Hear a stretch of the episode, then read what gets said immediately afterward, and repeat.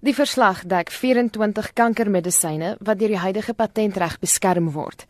Dit bepaal dus dat die eienaar van die intellektuele eiendom vir 20 jaar alleenreg het op die medikasie en wat daarmee gebeur. Uit die 24 produkte in die studie is slegs 7 in ons openbare sektor beskikbaar. Dit beteken dat die grootste hoeveelheid pasiënte in Suid-Afrika Want onthou die publieke sektor bedien 84% van die bevolking. Het slegs toegang tot 7 van hierdie medisyne wat geïdentifiseer is in ons verslag. As gevolg van een patente reg kan hierdie medisyne nie beskikbaar word op 'n goedkoper basis nie. 'n Voorbeeld hiervan is lenalidomide. Dit word gebruik om kankerpasiënte met veelvuldige myeloomkanker te behandel. Die huidige patentreg is toegestaan aan die Amerikaanse maatskappy Celgene. Daar bestaan wel 'n generiese middel vir hierdie medisyne in Indië en ook in ander plekke. Die voorloper van hom was gewees thalidomide. Lenalidomide is net een stappie verder. Mense sê hy's bietjie veiliger as wat thalidomide is. Albei daardie produkte is nie beskikbaar in ons publieke sektor nie. Dit beteken dat ons pasiënte het nie toegang nie. Staat kan dit nie bekostig om daardie produkte met ander woorde in te koop vir die behandeling van daardie produkte nie. Die middels is in Suid-Afrika geregistreer. Dit beteken dat geen generiese produk ingevoer mag word nie. So of jy dus in die privaat of openbare sektor is, beteken dit jy kan slegs die geregistreerde produk gebruik wat jy sowat R75000 per maand uit die sak jaag. Hierdie uh, patente gaan verval in 2025 as gevolg van ons patente regstelsel. In ander lande, byvoorbeeld in Europa, sowel as Suid-Korea, is hierdie patente of geontrek of afgekeur. Tot onlangs kon pasiënte egter die generiese middel invoer onder 'n seksie 21 lisensie. Dit beteken dat hierdie medisyne is nie beskikbaar in Suid-Afrika nie, hy's nie geregistreer nie. Maar die generiese middel is iewers beskikbaar.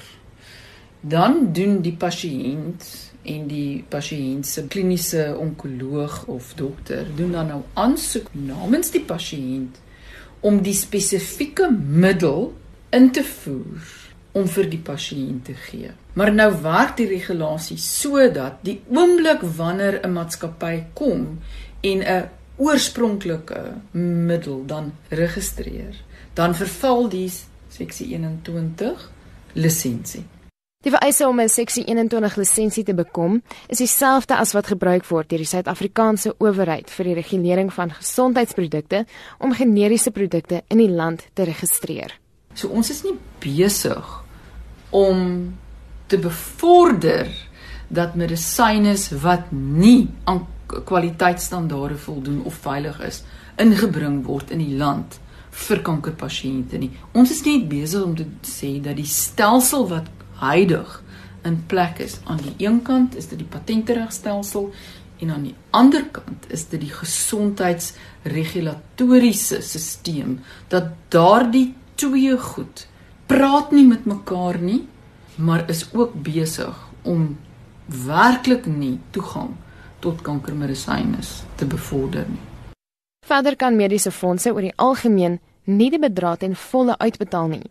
Intussen vind dokters self soms in ondenkbare posisies. As jou mediese fonds jou afgekeur het, het hy jou afgekeur. In die staatsdiens as die medisyne nie beskikbaar is nie, is dit nie beskikbaar nie in terme van die gesondheidsorgpersoneel is dan in die totale ondenkbare posisie waar hulle eintlik nie vir die pasiënt sê daar is eintlik 'n middel wat ons vir jou kan gee nie, maar as gevolg van hierdie en hierdie en hierdie redes kan ons dit nie vir jou gee nie want pasiënte kan nie eers dit verstaan nie.